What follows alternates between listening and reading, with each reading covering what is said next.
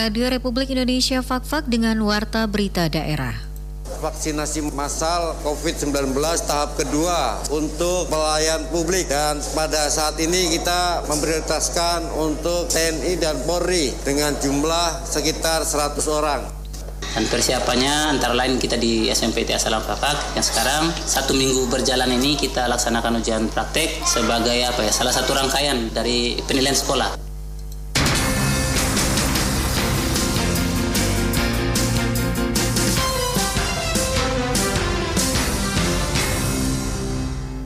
Sari Berita setelah vaksinasi COVID-19 tahap pertama untuk tenaga kesehatan atau nakes di Kabupaten Fakfak, kini giliran tahap kedua untuk pelayan publik yakni TNI, Polri, staf dan anggota DPRD, tokoh agama, tokoh masyarakat, jurnalis atau wartawan. Vaksinasi tahap kedua bagi TNI Polri, ASN, BUMN dan BUMD di wilayah Provinsi Papua Barat secara serentak dimulai. Itulah berita utama edisi hari ini, Kamis 4 Maret 2021 selengkapnya bersama saya Rifanti.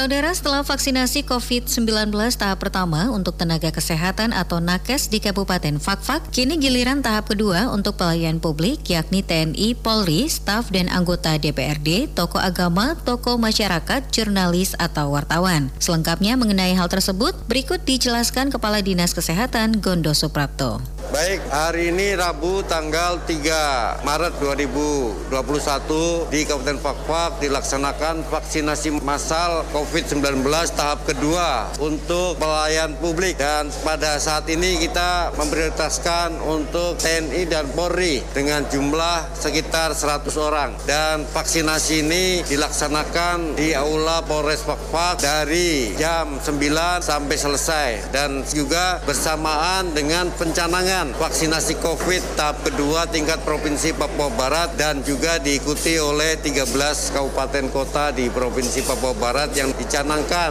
oleh Gubernur Papua Barat. Untuk pelaksanaan ini ada beberapa tahapan seperti yang sudah dilakukan pada tenaga kesehatan, yaitu yang pertama adalah pendaftaran atau registrasi, yang kedua adalah pemeriksaan kesehatan atau screening bagi peserta, dan ketiga pelaksanaan vaksinasi, dan keempat setelah divaksinasi masih ada observasi selama 30 menit. Diharapkan peserta ini dapat divaksin dengan baik, lancar, dan aman, tidak ada halangan satu apa pun dan sehat semua. Hari ini kita undang adalah TNI sebanyak 40 orang dan dari Polri atau Polres Pakpak sebanyak 54 orang dan juga ada TNI AL yang kita daftarkan. Jadi nanti mungkin kalau ada yang batal ataupun ditunda nanti kita akan vaksin anggota yang lain sekitar jumlahnya total total 100 orang untuk hari ini. Dan untuk selanjutnya nanti kita juga akan melaksanakan vaksinasi kemungkinan minggu depan untuk para pejabat pemerintah dan juga Forkopinda serta PNS serta ada juga para jurnalis atau wartawan, tenaga-tenaga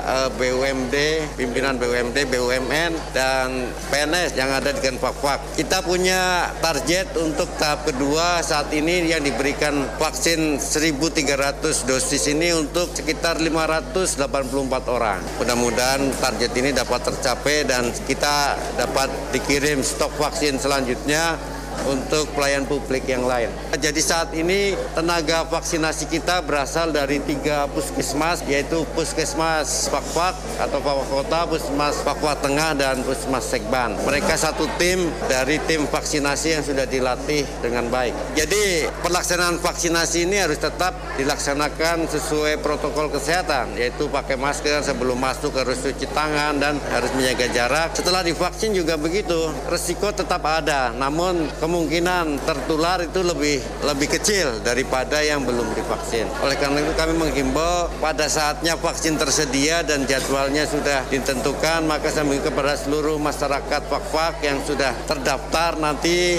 maka silahkan memanfaatkan momen ini vaksinasi ini dengan baik. Demikian yang dapat saya sampaikan. Terima kasih atas perhatiannya.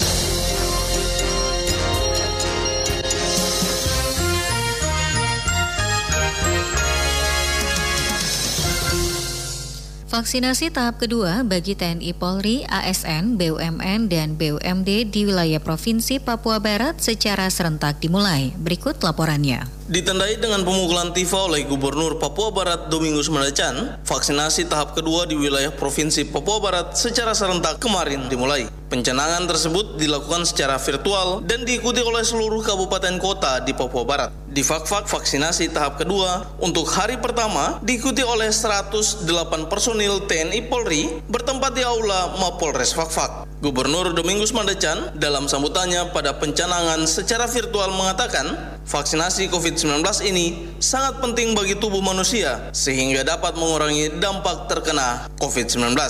Ia menegaskan, bagi ASN maupun TNI Polri yang menolak untuk divaksin, maka akan diberikan sanksi administratif. Dikatakan bagi tokoh agama maupun tokoh masyarakat kiranya dapat memberikan edukasi yang baik bagi masyarakat sehingga ke depan tidak menolak untuk divaksin. Tentang pelaksanaan vaksinasi dalam rangka penanggulangan pandemi COVID-19 di mana pada pasal 13A mengatur tentang sanksi administratif bagi sasaran yang menolak vaksinasi berupa penghentian bantuan atau jaminan sosial, penghentian layanan administrasi pemerintahan, dan atau denda. Maka untuk itu saya berharap kepada seluruh sasaran yang bekerja di pemerintahan baik sipil maupun aparat keamanan berikan contoh yang baik kepada masyarakat dengan segera mendapatkan vaksinasi sebanyak dua kali penyuntikan atau dua dosis kepada para tokoh dan panutan daerah, organisasi profesi dan kemasyarakatan bantu memberi edukasi masyarakat dengan menyebarkan informasi yang baik dan benar terkait vaksin COVID-19 serta untuk semua pihak tingkatkan kerjasama saling mendukung dan gotong royong dalam pelaksanaan program vaksinasi ini demi mempercepat terbentuknya kekebalan kelompok dalam mengatasi pandemi ini. Dan untuk kita semua tetap jalankan protokol kesehatan secara disiplin jadilah teladan bagi masyarakat. Kapolres Fakfak AKBP Ongkis Gunawan kepada RRI mengatakan personil Polres Fakfak yang berjumlah 330 orang pada dasarnya siap menerima vaksinasi yang telah dicanangkan oleh pemerintah pusat dan telah diikuti oleh petinggi Polri. Dijelaskan, untuk termin pertama yang dilaksanakan kemarin telah dilakukan kepada 65 orang dan untuk 265 personil lainnya masih menunggu suplai tahap berikutnya. Untuk kesiapan, insya Allah kita Polres Fakfak, saya pun pribadi juga siap untuk divaksin karena kami juga yakin bahwa vaksin ini bukan melalui waktu yang singkat untuk untuk dilakukan uji coba maupun hasilnya kita sudah melihat sendiri dari Bapak Presiden intinya siap mendukung program pemerintah dan Polres Fakfak dalam hal ini siap untuk melaksanakan vaksinasi tersebut. Sementara itu, AKP Iskandar yang merupakan orang pertama yang menerima vaksin COVID-19 memberikan komentar positif usai melakukan vaksinasi. Dikatakan vaksin yang diterima tidak mempunyai dampak negatif yang menjadi topik perbincangan di media sosial karena satu jam usai melaksanakan vaksin dirinya tidak merasakan dampak yang berarti. Ah, untuk pelaksanaan vaksinnya kami sangat berterima kasih karena kami untuk mempersiapkan masyarakat Indonesia yang sehat dan kuat. Karena itu kami harapkan kepada seluruh masyarakat Republik Indonesia semuanya harus divaksin untuk mempersiapkan Indonesia sehat dan kuat. Ada rasa takut ketika divaksin? Tidak ada. Ya rasanya tidak ada sakit sama sekali vaksin ini. Ya, Alhamdulillah. Untuk gejalanya sendiri? Gejalanya tidak ada, nihil. Tidak ada ya? Tidak ada sama sekali. Vaksinasi COVID-19 tahap kedua ini selanjutnya akan dijadwalkan kembali oleh Dinas Kesehatan yang selanjutnya menjadi sasaran yakni ASN maupun honorer, BUMN, dan BUMD di daerah ini. Demi kelancaran proses vaksinasi tersebut, diharapkan peran aktif semua pihak sehingga apa yang menjadi tujuan bersama dapat terwujud. Budi Rasidi melaporkan.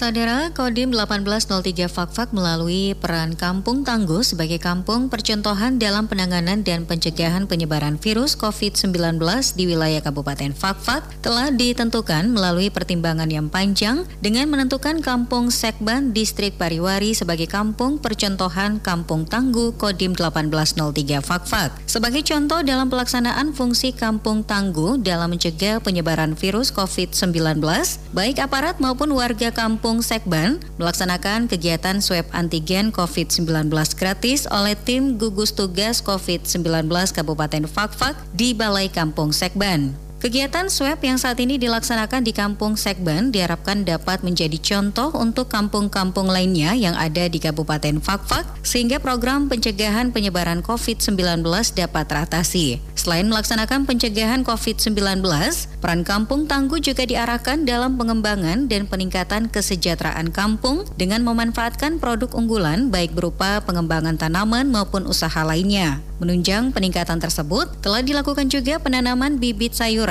untuk dapat dikembangkan menjadi produk unggulan guna meningkatkan kesejahteraan dan perekonomian warga.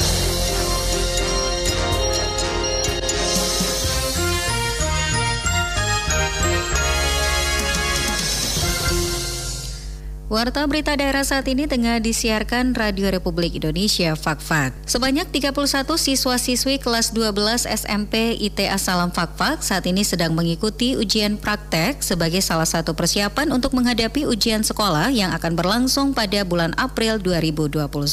Berbagai lembaga pendidikan sekolah lanjutan tingkat pertama di Kabupaten Fakfak saat ini sedang melakukan berbagai persiapan untuk menghadapi pelaksanaan ujian sekolah tahun ajaran 2020-2021 yang tinggal satu bulan lagi. Oleh karena itu, dengan semakin dekatnya pelaksanaan ujian tersebut, seluruh siswa-siswi peserta ujian semakin meningkatkan kegiatan belajar mengajar baik di sekolah maupun di rumah. Seperti halnya lembaga pendidikan SMP ITA Salam Fakfak, di mana persiapan untuk menghadapi pelaksanaan ujian sekolah tahun 2021 telah dimulai sejak awal September genap hingga menjelang ujian sekolah sebagai upaya untuk mempersiapkan para siswa-siswinya agar dalam pelaksanaan ujian mendapatkan prestasi dan hasil yang terbaik. Kepala SMP ITA Salam Fafak, Lasariami mengatakan, salah satu persiapan untuk menghadapi ujian sekolah di tahun 2021 ini diawali dengan pelaksanaan ujian praktek yang saat ini sedang berlangsung, perencanaan penyusunan soal-soal ujian, serta memberikan motivasi kepada siswa-siswi kelas 9 untuk giat lagi belajar di rumah. Dan persiapannya antara lain kita di SMP SMPT Asalam Fakak yang sekarang satu minggu berjalan ini kita laksanakan ujian praktek sebagai apa ya salah satu rangkaian dari penilaian sekolah. Dari itu ujian sekolah termasuk ujian praktek salah satunya dalam. Nah persiapan-persiapan yang lain Alhamdulillah itu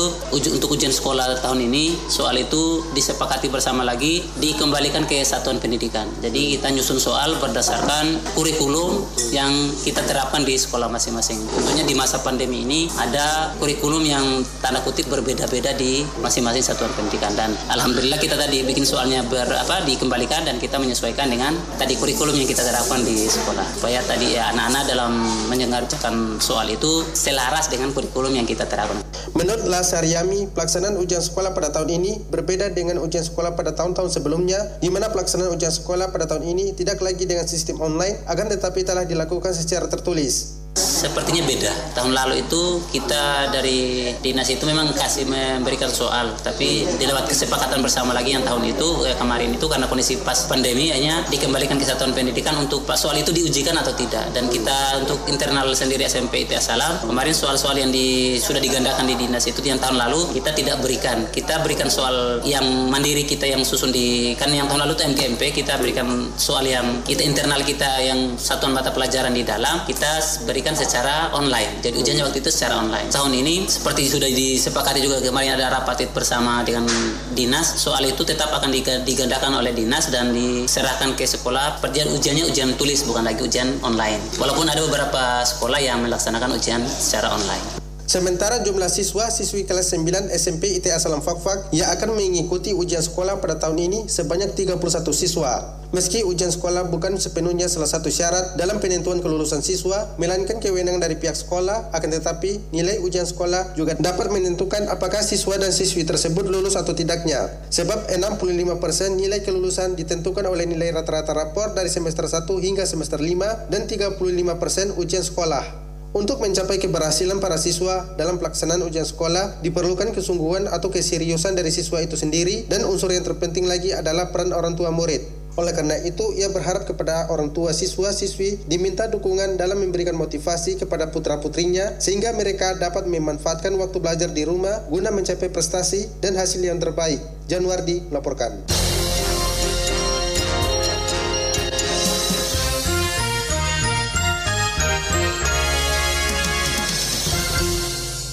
MUI Kabupaten Fakfak pada tahun 2021 kembali melakukan pelatihan imam dan dai untuk menyiapkan generasi muda sebagai pengganti dai dan imam yang telah lanjut usia maupun yang telah meninggal. Berikut laporannya. Saudara pelatihan imam dan dai sangat penting guna memberikan pemahaman tentang pelaksanaan syariat Islam. Pelatihan bagi imam serta dai tentu lebih bermanfaat mengingat peran dan kedudukan kedua pemuka agama ini selalu berinteraksi langsung dengan masyarakat atau umat. Selain itu, kegiatan tersebut juga untuk menyamakan visi misi imam dan dai serta tak ketinggalan untuk menciptakan generasi Islam mengetahui seperti apa syarat menjadi seorang pendakwah.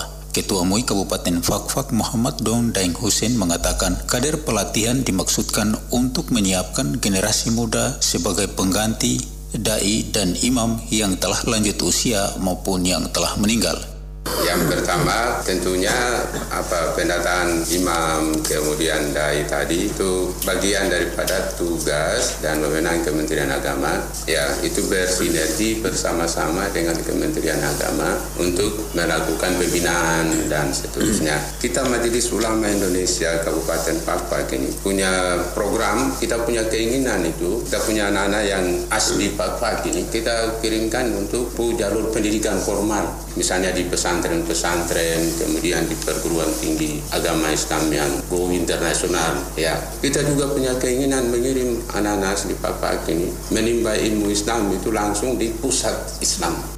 Sementara Haji Mustakfirin selaku koordinator pelatihan mengungkapkan pengkaderan imam dan dai dapat menangani berbagai isu dengan baik sehingga kedua pemuka agama ini dapat menjadi saluran informasi bagi masyarakat tentang berbagai kebijakan dan program pemerintah Kenapa harus dilakukan pelatihan kader dai muda? Karena dai-dai yang tua ini kan kadang dimakan oleh umur, usia sudah lanjut, daya ingat sudah sudah mulai berkurang. Kemudian ada juga yang dipanggil duluan oleh Allah Subhanahu wa taala. Kalau tidak disiapkan nanti kita habisan daripada dai dan daiyah. Oleh karena itulah kita melakukan pelatihan itu adalah dalam rangka itu kita menyiapkan generasi. Oleh karena itulah generasi yang bisa kita siapkan adalah kita bekali dulu sebelum belum terjun di masyarakat, belum terjun di lapangan, maka kita bekali ada beberapa bekal. Di antara bekal-bekal yang kita sampaikan itu adalah berkaitan dengan konsep iman, dengan konsep ibadah, kemudian masalah akhlak, kemudian ada ulumul Quran dan hadis, dan kemudian ukhuwah Islamiyah, kemudian fikih dakwah, dan kita selipkan juga dalam pelatihan itu masalah kamtipmas, masalah wawasan kebangsaan, karena ini tidak bisa tidak, itu harus juga dipahami oleh para dai dan daiyah.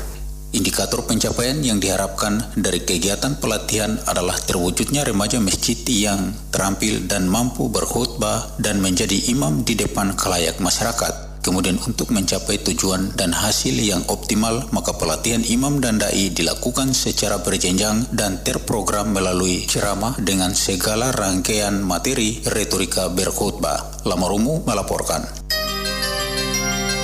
Anda masih mendengarkan RRI Radio Tangga Bencana COVID-19. Babinsa Koramil 180305 Bomrei, Sertu Alianto, dan Babinsa BKO SP2 Kampung Warisa Mulia, Serda Santoso bersama dengan warga setempat melakukan kerja bakti di Masjid SP2 Warisa Mulia, Distrik Bomrei, Kabupaten Fakfak. Sasaran kerja bakti kali ini yakni penimbunan koral untuk pondasi teras masjid. Menurut Sertu Alianto dan Serda Santoso, TNI membantu warga sangat penting karena TNI terlahir dari rakyat dan untuk rakyat, serta kegiatan ini juga untuk meringankan beban masyarakat. Selain itu, kegiatan ini juga untuk menjaga kekompakan dan keharmonisan antara Babinsa dan warga binaannya dalam segala kegiatan. Sekian Warta Berita Daerah Produksi Radio Republik Indonesia, Fakfak.